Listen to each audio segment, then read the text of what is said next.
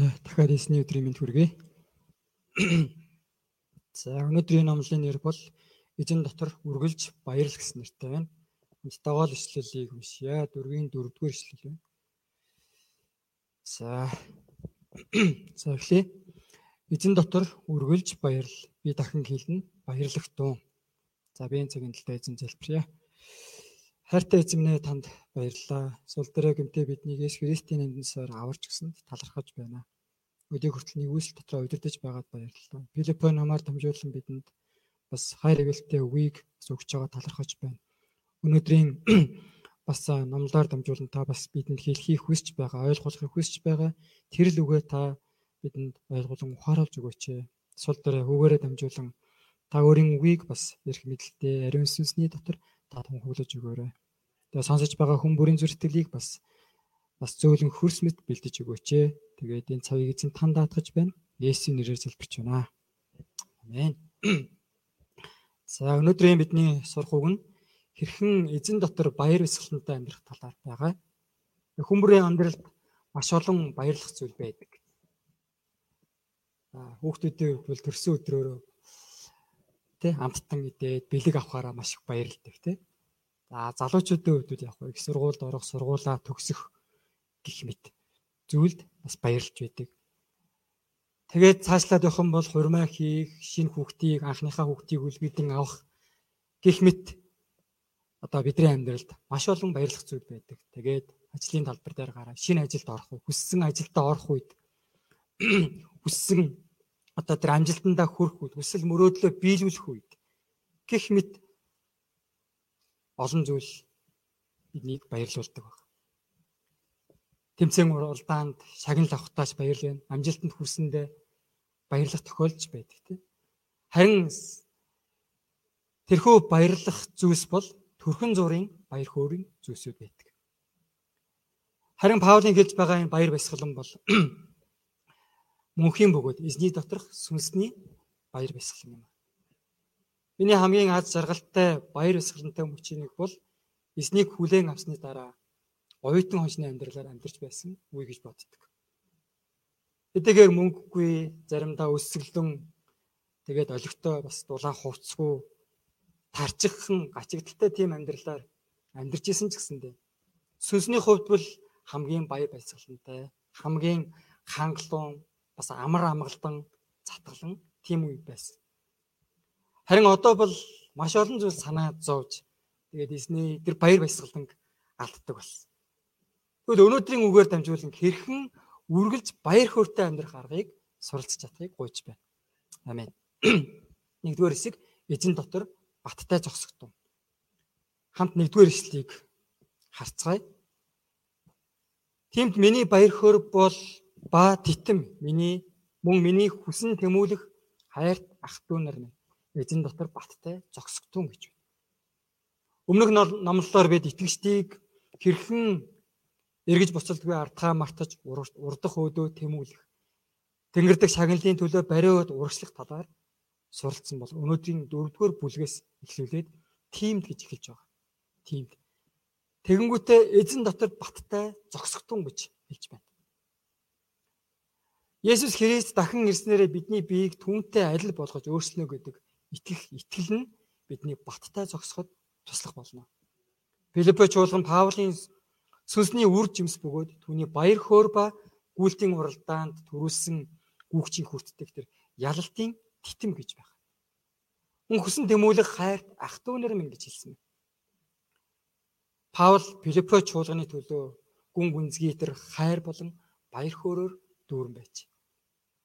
Тэднийг ийхүү хайрлаж байгаа нь Паул зовлонгийн дунд сайн мэдээний үгээр төрүүлснээс гадна энэ өдрийг хүртэл хамтдаа хамтран зүтгэж Бурхны хаанчлалын ажилд хамт оролцсон учраас ялангуяа хүнд хэцүү болон бэрхшээл дунд, хавчлаг дунд, гачигдал дунд ч гэсэндээ сүнсээр өсөн төлөвшөж байгаа Филиппч Филиппой чуулгануудыг итгэжтийг бодохдоо Паулийн сэтгэл үнэхээр баяр хөөрөөр дүүрч бахтан бахархмаар байсан.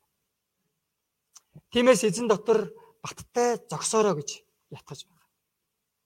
Баттай зогсох гэдэг нь үл цэрэг нь цэрэг хүн дайснуудын хүчтэй дайралтыг үл харгалзан баттай зогсож байх явдлыг хэлдэг байна.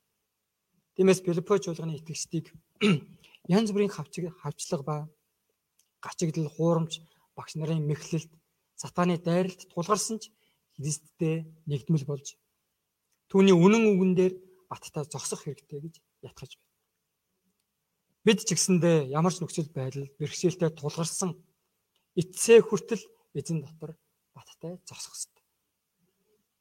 Өнөөдөр бидэнд тулгарч байгаа олон сорилт бэрхшээл болон асуудлын дунд итгэлийн сайн тэмцлийг хийсэн ч гэсэндээ заримдаа нөхцөл байдал сайжрахгүй, асуудлууд шийдэгдэхгүй хэвээр байвал явж байгаа замаасаа ухармаар, зүгтмаар эсвэл бүгдийг орхимоор санагдахгүй ч байдаг.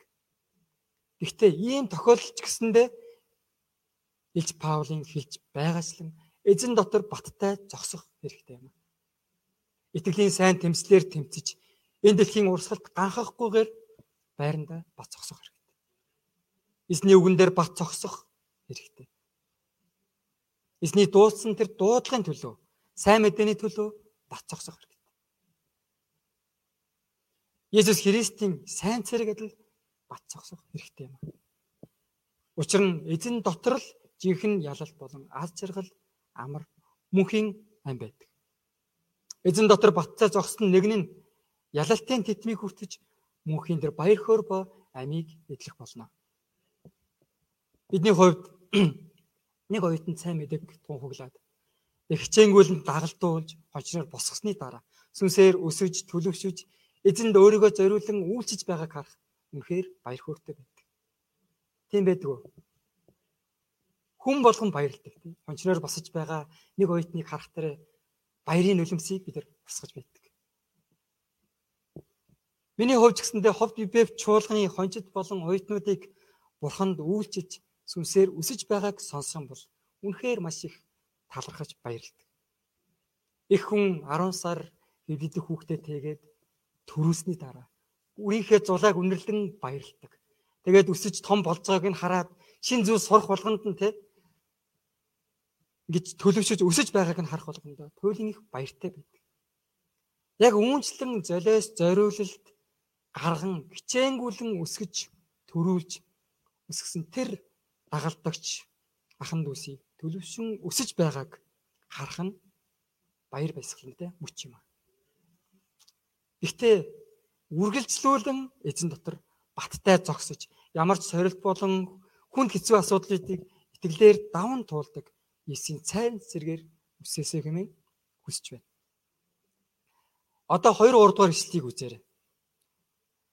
Эзэн дотор санаа нэгтэй байгаарэ гэж би Юудэг ятхий. Мөн сунгадухыг ятхия. Тиймээ үнэнч нөхөр минь чамаас гуй. Сайн мэдээний төлөө надтай болон Клем бусад хамтран зүтгэгчдийн минь хамт тэмцсэн тэдгээр эмэгтэйчүүдэд туслаарай. Тэдний нэрс амийн номонд бий гэж. Илч Паул анх Филиппо хотын Буставны худалдаачин эмэгтэй Лүдиад сайн мэдээг тунхагсан. Тэгээ тэр сайн мэдээг хүлээж авсан гэрээхэндээ бас тунхаглаж гэрээхний ч гэсэндээ баптизм хүртэн Есийг хүлээж авсан. Ингэснээрээ Филиппо хотын анхны чуулган чуулган Филиппо хотын чуулган бий болсон баг. Тиймээс энэ чуулганд эмэгтэйчүүдийн үүрэг тухайн үеийн одоо бусад чуулгануудтай харьцуулах юм бол маш нөлөөтэй байсан. Харин энд хэлэгдэж байгаа Йоде болон Сүнтөхөө нар ч гэсэндээ одоо чуулган байгуулагдах үеийн анхны эмэгтэй итгэгчид бөгөөд эзний төлөө золиос зориул гарган үйлчиж байсан ахлах хончид байсан. Гэвч ямар шалтгаантайг мэдэхгүй тэр хоёрын хооронд ямар нэгэн харилцааны асуудал гарч үл ойлголцол бий болсон. Тэгээ энэ асуудлаа шийдвэрлэхгүй явсаар харилцаа нь улам муудаж бие биедээ гомдлон нэг нэгэ шархлуулах хэмжээнд хүрэл хүрсэн юм шиг. Тэгэд өөртөг нь хуурам мэхэлж байгаа муу ерөн сүсний эсрэг тэмцэл хийж бурхан дотор асуудлыг шийдвэрлэх ёстой байсан. Гэвч тэд яасан бэ? Өөртөөх нь асуудал хэмээн бодож энэ зүйлд хоёр ганцсан. Энэхүү ахлах эмэгтэй хончтын үжүүхэн гэж бодож байсан асуудал нь чуулганы ахан дүүст нь хор нөлөөг үзүүлэх болсон байна. Энэ тухай шоронд байгаа Паулд хүртэл сонс сонсогдож тэгээ Паул Хэний зөв бурууг шүүж асуудлын шийдлийг хэлж өгөх гэхээсээ илүү эзэн дотор харин санаа нэгтэй байгаарэ гэж уриалan ятгсан. Учир нь хэнийг хүний хичээл зүтгэлээр нэг болж чадахгүй ба гагцгүй хүн тус бүр эзний дотор Христийн төлөө даруй ба хайраар нэг болж санаа нэгтэй байж чадах. Мэдээж хүн бүр өөр өөрийн үжил бодолтой, өөр өөр зан чанартай, харах өнцөг өөр, асуудлыг шийдвэрлэх тэр арга замууд нь ч гэсэндээ хүн болгонд өөр өөр байдаг. Гэхдээ яг нэг хэвэн цутгсан юм шиг бид нар адилхан сэтгэж, адилхан хандлагаар асуудал хандаж хандна гэж байхгүй. Гэхдээ эзэн дотор байвал санаа нэгтэй байж чадах юм аа. Амен. Эзэн дотор бурхан ба хүн эвлэрч чадах бөгөөд хүмүүс хоорондоо ч гэсэндээ эвлэрч чадах учраас юм. Хамааг өршөөлсөн эзний хайр дотор байхад бид хамтран зүтгэгчтэйгээ эвлэрч нэг санаа бодолтой болж нэгдэж чадна. Хүн эзэн дотор ахын ах эгч дүүс гэдгээ ойлгосон цагт бид санаа нэгтэй байх болно. Ялангуяа Бурхны үг ба залбирал дотор байвал бидний санаа бодол нэг болж чадах. Нэгэнд дэвдэрсэн харилцааг сэргээх хэцүү боловч эзэн дотор бол энэ боломжтой юм. Амен. Заримдаа маргалдж байгаа хүмүүсийг эвлэрүүлэх гэвэл эвлэрэх гэвэл хэцүү байдаг тийм учраас хэн нэгэн хүнлэнгөөс заавал тусаж эвлэрүүлэх шаардлага байдаг. Тиймээс Паул 3 дугаар эшлэлд үнэн ч нөхөр өмнө гэсэн нэгэн удирдагчд хандаж тэдгээр эмэгтэйчүүдийн асалд асуудалд нь туслаарай гэж хэлж байна. Бидний хувьд харилцааны асуудалтай байгаа. Эсвэл тусламж хэрэгтэй байгаа хэн нэгэнд болон энэ мэд муу нөлөөг үзүүлж байгаа хүмүүс туслах нь чухал гэдгийг ойлгож болно. Мөн эзний дотор туслахыг хүсэж байгаа удирдагч юм уу хамтран зүтгэж нарынхаа үг зөвлөгөөг ч гэсэндээ дагаж тусламж авах нь чухал гэдгийг ойлгож байна. Манай чуулганы ахын дүүс эзэн дотор нэг санаа бодолтой байснараа сатаны ямарч мэхлэлд уруу таталтыг даван туулж үргэлж урагш тэмүүлж ялалттай үр жимстэй амьдарч чадахыг хүсэн гуйж байна. Амен. Хоёрдугаар хэсэг эзэн дотор үргэлж баярлал. Дөрвөөс 9 дугаар ишлэл. Энэ хэсэгт Христийн баяр баясгалан дүү зүр сэтгэлдээ үргэлж байлах талаар бодит зааврыг өгч байна. Одоо бүгдээрээ дөрөвдүгээр ишлэгийг дахин хамт уншицгаая. За чанга тий тунхаглан уншицгаая. За эхлэе. Эзэн дотор үргэлж баярл. Би дахин хэлнэ баярлагтун. Энд Паул итгэгчдийг ямар ч хүнд хэцүү нөхцөлд баярлагтун гэж тушааж байгаа.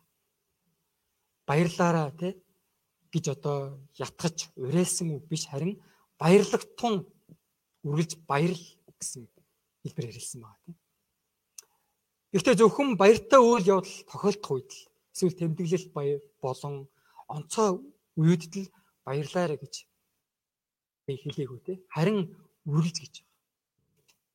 Үргэлж гэдэг нь амьдралын нөхцөл байдал ямар байсан ч эрүүл байна уу, өвчтөй байна уу? Долонтой байна уу, жаргалтай байна уу? Элбэг хангалуун байна уу, ачигталтай байна уу? Илүүс бүтэмж бүтэмжтэй байна уу, эсвэл дампуурж бүтлгүй байна уу? Хагалдагчд маань итгэлээр өсч байна уу, эсвэл алга болж орхиод явсан уу? Тэгэхмэд ямар ч үед баяр баясгалантай байгаараа гэсэн. Паулын хэлж байгаа энэ баяр хөөргийг энэ дэлхийн махбодын баяр хөөртэй бид нар андуурч ойлгож болохгүй. Мэдээж үргэлж баяр баясгалантай байх яг л үл итгэжтэй үед үнийг ойлгоход хэцүү. Боломжгүй мэт те санаа. Байд үргэлж баяр баясгалантай байх. Тэ үргэлж инээж одоо баяр баясгалан харуулж амьдрах вэ гэж тийм. Харин Паулын хэлсэн энэ баяр баясгалан бол эзэн доторх баяр баясгалан юм. Эзэн дотор гэсэн үг нь Паулийн баяр баясгалан эзнээс ирсэн гэдгийг хэлж байгаа. Эзнээс ирсэн тэр баяр баясгалан. Үндэ бол Есүс жинхэнэ тэр баяр баясгалангийн их үндэс бөгөөд Христ дотор байхад тэр амсдаг баяр баясгалан. Энэ баяр баясгалан нь гимээ гимшин сайн мэдээг хүлээн авахд ирдэг сүнсний тэр баяр баясгалан байна. Бурхныг хайрлахад хайрлах нь ч гэсэндээ баяр баясгалангийн нууц юм аа. Бурхны хүндлэн магтахад ч гэсэндэ бид нар баяр баясгалангаар дүүрдэг. Мөн альваа нөхцөл байдлаас үл хамаар Бурхантай зөв харилцаатай байхад баяр баясгалан бидэнд ирдэг байна. Нэг оюутан Христийн дагалдагчаар босоход баярлан хөөрдөг. Эзэн дотор байвал баяр баясгалантай байж чаддаг. Ялангуяа залбирал болон түүний үгээр дамжуулан үргэлж эзэнтэй зөв харилцаатай байх харилцаанд байхын төлөө бид нар хичээх хэрэгтэй.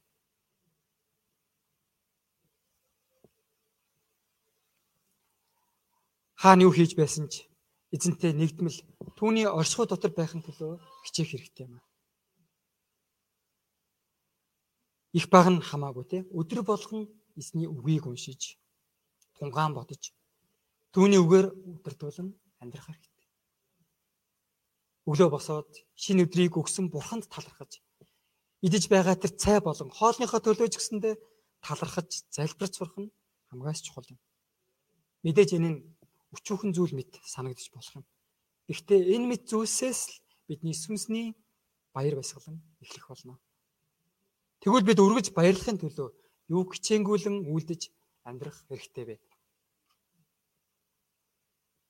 Нэгдүгээрт нь төвчээрт нь бүх хүнд мэдэгдэгэ гэж. Төвчээрт нь бүх хүнд мэдэгдэг. 5 дугаар ишлэгийг үзээрэй. Та нарын төвчээр бүх хүнд мэдэгдэг. Эзэн ойрхон байна гэж. Энд төвчээр гэсэн үг нь өөрийг нь хавчигч хүнд төвчээртэй хандах, хохирол учруус учруулсан. Мууж гүтгэж байгаа хүнийг ч гэсэндэ уучлах сэтгэлийг хэлж. Мөн өөрийн эрх ашиг үгүйсгэн бусдад уужим өрчөөнгөө хандхыг бас хэлж байна. Ийм төвчээрийн сэтгэлтэй хүн нь бусдын төлөө буулт хийж өөрөө хохирол амсгад ч гэсэндээ бэлэн байдаг. Өөрт нь өөрт нь сайнаар ханддаг хүнд үдүүгээ муугаар зогсгүй ханддаг хүнд ч ийхүү хандаарай гэж байна. Паул ийм төвчээрийг бүх хүнд мэдэгдэгэ гэжээ. Тэгвэл ийхүү төвчээртэй байх шалтгаан нь эзэн ойрхон байгаа учраас энэ хүмүүсийн сайн муу бүх ажил үйлсийг шүүн шийдгэх эзэн дахин эзний дахин ирэлт ойрхон учир юм аа. Бид гүтгэгдэн хилмигдэж хохирсон ч төвчээртэй өршөөнгүй байж чадах нь эзэн ирээд бүхнийг хариулах учраас. Би битэйгээ маргалдаж байсан Юдя болон Сүнтөхийн нарны Паулын хэлж буй энэ төвчээрийг сурах шаардлагатай байж. Магадгүй тэд бурхантай илүү их цагийг өнгөрөөх хэрэгтэй байсан биз. Хэрэг төгсөн бол зөвхөн өөрийн хүслийг л тулгаж зөрүүдлэн маргаан тэмцэлд ялах гэж зүтгэж хагаралтахгүй байсан. Төвчээрийн сүнсний үр жимсэнийг бөгөөд төвчээртэй байх гэдэг бол итгэж бидэнд зайлшгүй байх ёстой чанар юм. Та өөрийгөө хэр төвчээртэй гэж боддог вэ? төвчээртэй байснараа бид нар олон зүйлийг алдаж заримдаа хохирч байгаа мэт санагдах үед байдаг. Гэхдээ эцэст нь миний сүнс болон бие махбодж гэсэндээ үр ашгийг өгч байдаг юм. Төвчээргүй байснаар харин яадаг вэ?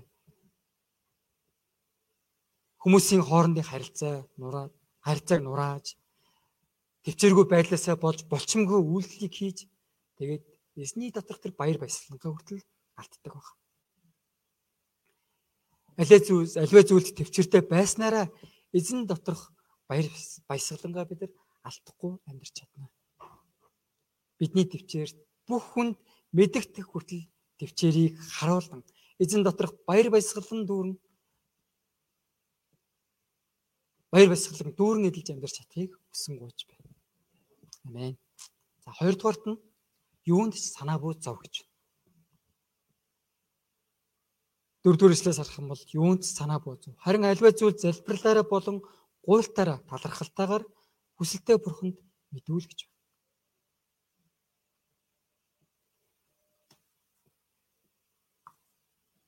Зурдугаар эшлэл байгаа тийм. Сүнслэг баяр хөөргийг булаадаг зүйлийн нэг бол санаа зовлт. Санаа зовх байдлаа тийм. Харин Паулийн одоо Паул бол баяр хөөргийг гэвэл юунд ч санаа бүү зовоорой гэж хэлж байгаа. Ягаад гэвэл санаа зовох гэдэг маань бидэнд үнэхээр ямар ч ашиг тусгүй тий учраас юм. Грекээр санаа зовх гэдэг нь сэтгэл хуваагдах гэсэн утгатай байна.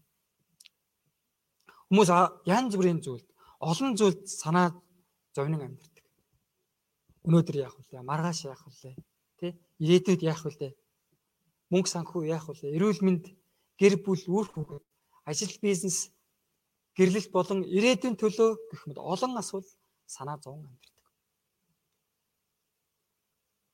Мэдээж санаа зовхгүй амьдрна гэвэл бас хэцүү бай тээ. Юунд санаа зовхгүй тэнийг юм уу те мангуу юм уу гэж хэлэх хүмүүс байдаг. Тэрийгээ ингэж тэгээч гэл те. Гэхдээ санаа зовлоо гэд бид нар яах вэ? Тэр асуудлыг шийдэж чадахгүй. Харин санаа зовхоор нь яах ёстой вэ? Дээр гислээс харах юм бол альва зүйлд залбирлаараа болон гуйлтаараа талархалтайгаар хүсэлтэд бурханд мэдүүлээрэй гэж. Санаа зовлтыг сайнаар шийдэх арга нь бурханд итгэж талархалтайгаар залбирах явдал юм. Сэтгэл сүнсний асуудал төдийгүй амьдралын том жижиг бүх зүйлийн төлөө бурханд хандан залбирах хэрэгтэй гэсэн.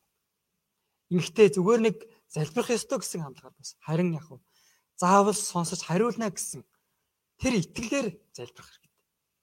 Ялангуяа бурхан ямар ч хариулт өгсөн тийм дуулууртаа дагна гэсэн итгэлээр залбирх нь чухал.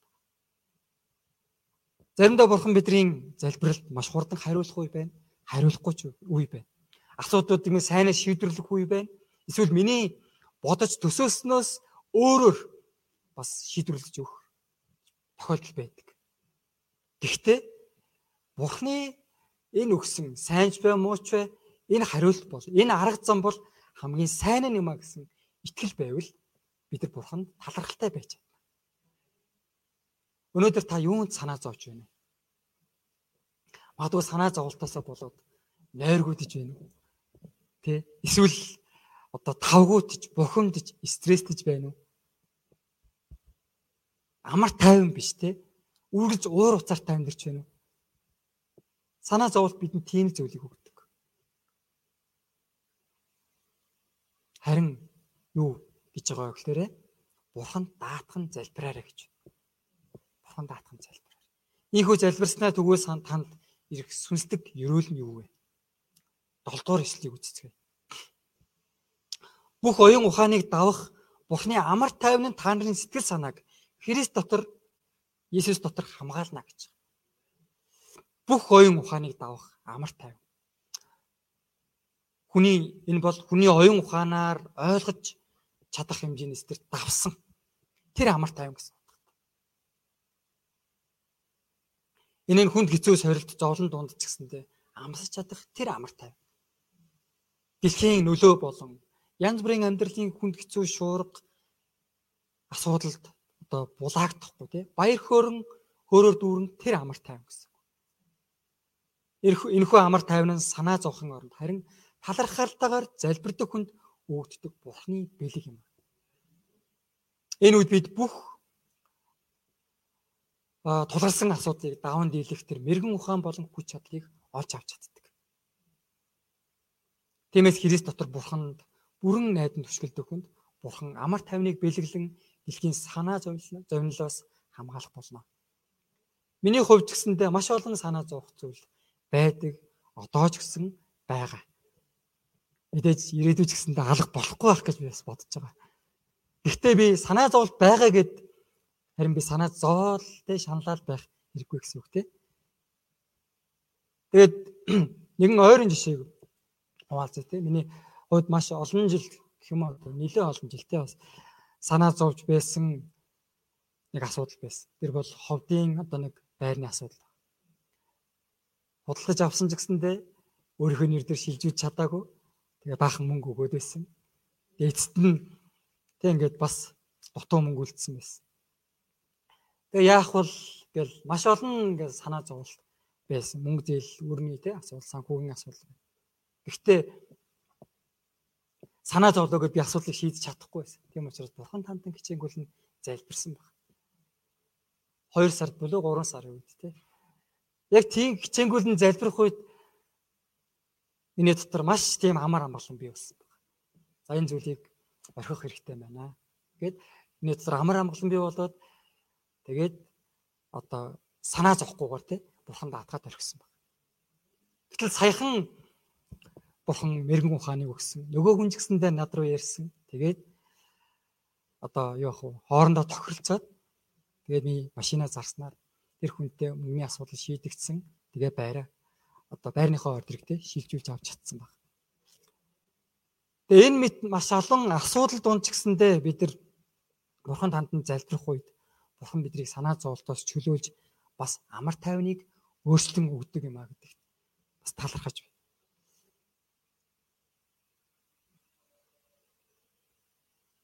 Тийм учраас те хэрвээ таны дотор санаа зовлт байгаа бол бурхан бүрэн даатгаарай. Бурханд өргөөрэй те. Юм бол таны дотор та санаа зовоод мэдээж асуудлыг шийдэж чадахгүй. Гэхдээ залбирах үе таны дотор амар амгалан бий болно. Эцэст нь бурхан хамгийн сайнаар шийдвэрлэж өгөх болно гэдэгт итгэж байна. За 3 дугаарт нь бурханы сэтгэлд нийцтэй зүйлсийг тунгаан бодож амьдрах хэрэгтэй гэж байна. 8 дугаар бичлэгийг үзээрэй те эцэст нь ах トゥ нараа юу нь үнэн, юу нь хүндэтгэлтэй, юу нь зөв, юу нь ариун, юу нь сайхан, юу нь сайшаалтыг мөн альваа сайн үйл байвал магтуустай ямар нэг юм байгаа бол эдгээрийг тунгаацгаа гэж. Энд үнэн гэдэг нь худал хуурмгийн эсрэг үнэн чанарыг хэлэх ба. Энэ нь итгэгч хүнд байх ёстой суур чанар юм.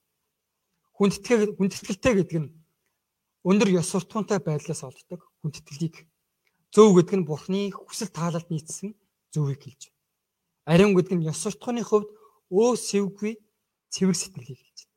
Сайхан гэдэг нь хүн болон Бурхныг баярлуулах тэр үйлсийг сайшаалтай гэдэг нь бусдад үлгэр жишээтэй жишээ болон амьдарч байгаа. Амьдрах тэр хүн үнэлтгийг хэлж байгаа. Тайн үлбэ магтууштай ямар нэг юм гэдэг нь ёс суртахууны хувьд өндөр байснараа хүмүүст өндрөөр үнэлтгийг үнэлтгийг хэлж байна. Итгэж нар нь ёс суртахууны энэ ёс суртахуунгүй энэ цаг үед дээрх зүйлсийг тунгаан бодож мөрдөн амьдрснаар баяр хөөр болон амар тайвныг алдалгүй амьдрч чадна. Иймээс бидний тунгаан бодож байгаа зүйл маш чухал байх. Та өөрийгөө бодож үзээрэй тий. Би ер нь юуны тухай, юуг хамгийн ихээр бодож байгаа Зарим хүн итгэж биш хүмүүсийг харах юм бол мөнгө л бодоод итгэв те. Яаж мөнгөтэй болох? Яаж хурдан мөнгө болох? Яаж амар хэлбэрээр мөнгө болох уу гэж боддог хүмүүс байдаг. Тэр хүний бодол санаа ерөөсөө мөнгө гэсэн л бодол байдаг. Яг тийм хүмүүстэй би бүр ойрхон бүр байсан байхгүй мэддэг. Хүн болгоны дор янз бүрийн бодол байж болно те. Зөвхөн мөнгө биш те. Тэгээ юуг хүн бодож байгаа нь маш чухал байгаа. Бидний амьдрал маш нөлөөтэй байна. Тэмцээс хүн юуг бодож байгаагаас шалтгаалаад баяр хөөргийг алдахгүй амьдарч чадна гэсэн. Бидний бодол үүсийг төрүүлдэг. Тэгээ үүс маань зурсыг төрүүлдэг. Зурсалт маань яг уу бидний бидний амьдралыг бий болгодог. Завхаарлалын талаар бодох юм бол яг л тийм л хүн болно. Зөвхт ариун эсвэл хүндэтгэлтэй зүйлсийг бодвол яг л тийм мөн чанартай болдог. Хорон муу болон өс хонцон гомдол тэр үйл итгэлийн зүйлсийг бодох юм бол баяр хөөргийг бас амжиж чадахгүй. Яг л тийм хүү амьдрах болно. Тиймээс бид Бурхны хүний хувьд итгэж хүмүүсийн хувьд эдгээр зүйлсийг тунгаан бодож, дээрх зүйлсийг те тунгаан бодож хэрэгжүүлсэн, хэрэгжүүлэн амьдрснараа баяр хөөртэй амьдрч чадна. Бидний бодлын ертөнцид байгаа зүйлс нь хизээ нэгэн цагт бидний үг болон үйлдэл болон гарч бидний амьдралд нэг чингэх нь гарцаагүй. Санал нэг байна уу? Амин тий. Тиймээс махбодын хоосон үр ашиггүй гмийн тэр мөн чанартай бодлуудыг өөрийн дотроос хөөн зайлуулав. Сүнсний бодол санаа ба сүнслэг хүслээр өөрийгөө дүүрэх хэрэгтэй гэсэн. Ром 8 дугаар бүлгийн 5 6 дугаар эшлэлээр ингэж хэлсэн тийм. Учир нь махбодын Махбодын дагуух нь махбодынхыг, сүнсний дагуух нь сүнсний имийг бодтгоо гэж. Махбодын санаа бодол бол үхэл, сүнсний бодол бол санаа бол амба амар тайван билээ гэж. бидний бодож байгаа зүйл маш чухал учраас өөрийн бодлыг хянаж захирхан гэсэндээ маш чухал байна. Элч Паулийн хэлсэн юу нь үнэн, юу нь хүндэтгэлтэй, юу нь сайн, юу нь зөв, юу нь сайхан, юу нь ариун, юу нь хүндэтгэлтэй, сайшилтай байна. Гэх мэт альваа сайн үйл бүхнийг тунгаан бодож амьдрч чадахыг хүсэн гуйж байна. Амен. Дүгнэлт энэ цаг үеийн хүмүүс зугаа цэнгэл, архитэлд, завхайрал, цахим тоглоом гэх мэт зүйлсээр баяр хөөргийг хайн амьдарч байна. Өчтөр өрөө би синтад номдол бэлтэж байгаад нилээ өрөө харьсан. Тэгээ гараа явахад годомжинд хүмүүс маш их байна. Тэгээ ямар хүмүүс байсан бэ гэхлээр ерөөс согтуу хүмүүс болцсон. Тэр хүмүүс яагаад согтуу байгаа юм бол тэр төрхөн зургийн одоо баяр хөөргийг мэдлэг те зугаа цэнгэл болон өөрсдийнхөө тэр гуниг зовлонг мартаж уйтгар гунгийг мартахын тулд одоо архитэлт те болон зугаа цэнгэлд өөрсдөө зориулж байгаа. Энэ мэд маш олон хүмүүс байна. Мөн мэдээж архиухгүй ч гэсэндээ хүмүүс зарим хүмүүс яаж юм бэ? Спортоос баяр хөөргийг авахыг хүсэж байна. Өөрийн хоббигоос баяр хөөргийг авах хүсэж байна. Аялалд амралт зугаалгаар бас баяр хөөргийг ирэн хайж амьдарч байгаа хүмүүс ч байдаг. Гэвч харамсалтай нь энэ дэлхийн ямар ч зүйл бидэнд сүнсний тэр баяр хөөргийг өгч чадахгүй байна. Сүнсний баяр баясгалан зөвхөн Есүс л өгч чадах юм аа. Тиймээс итгэлийн амьдрал гэвэл баяр хөөртэй амьдрал гэж ойлгож байна. Баяр хөөртэй. Харин итгэлийн амьдрал минь баяр баясгалангүй байгаа бол ямар нэгэн асуудал байгаа гэсэн үг. Магадгүй гэмээс болоод бурхантай харилцах харилцаанд асуудал гарч баяр баясгалангаа алдсан байж болох. Давид хааныг бид нар сайн мэднэ те. Бурхантай одоо зөвхт харилцаатай байхтай. Хичнээн баяр баясгалантай бурхны хүн байлаа. Бурхан таалагдж, бурхныг баярлуулж, бурхны тэр амлалт өрөөлийг авч баяр хөөрөөр дүүрэн байсан. Гэвч завхарл болон одоо аллахын гимээс болоод те Бурхныг гомдоож одоо хаан байсан ч гэсэндээ баяр баясгалангүй зовлонтой болсон баг. Харин иш зүйлээс натааны зэмлэлээр дамжуулаад Бурхны өмнө гэмшиж залбирсан байгаа тий. Авралынхаа баяслыг надад сэргээж өгөөч гэж Бурхан руу хандсан залбирсан байдаг. Харин Бурхан түүний залбиралд хариулж авралын баястыг нь сэргээж өгсөн байна. Бид эзэн дотор байсаар байвал үргэлж баярлаж чадна. Амен. Энэ нөхцөл байдлаас үл хамаарч Бурхантай зөв харилцаатай байх үед Бурханаас тэр баяр баясгал. Амен.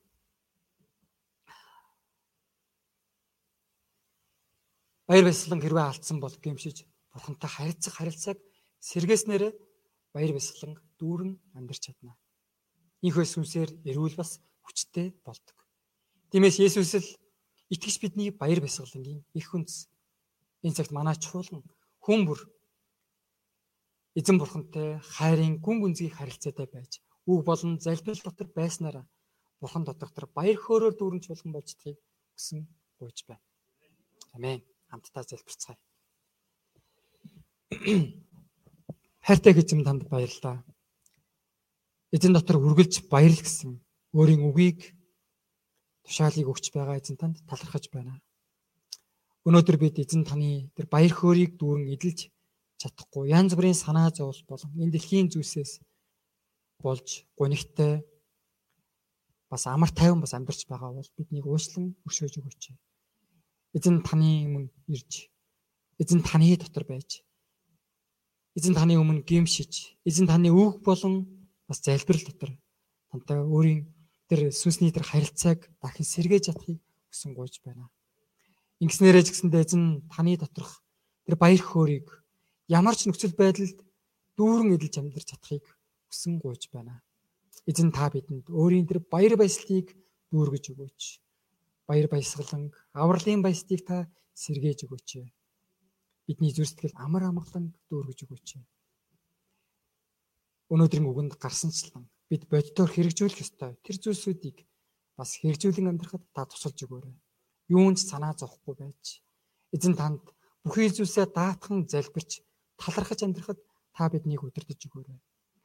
Өөрсдийн бодол санааг хянаж, захирч, сайн сайшаалтай бурхан таалагдах зүйлсийг л бодож хэрэгжүүлэн амьдрахад та удирдах өгөөрэй. Ингэснээрээ ч гэсэндээ таны баяр баясгалан дүүрэн эдэлж чадхад та туслаарай. Таныг баярлуулдаг амьдралаар та удирдах өгөөч. Энэ цагийн лоо талархаж Есүсийн нэрээр залбирч байна. Амен.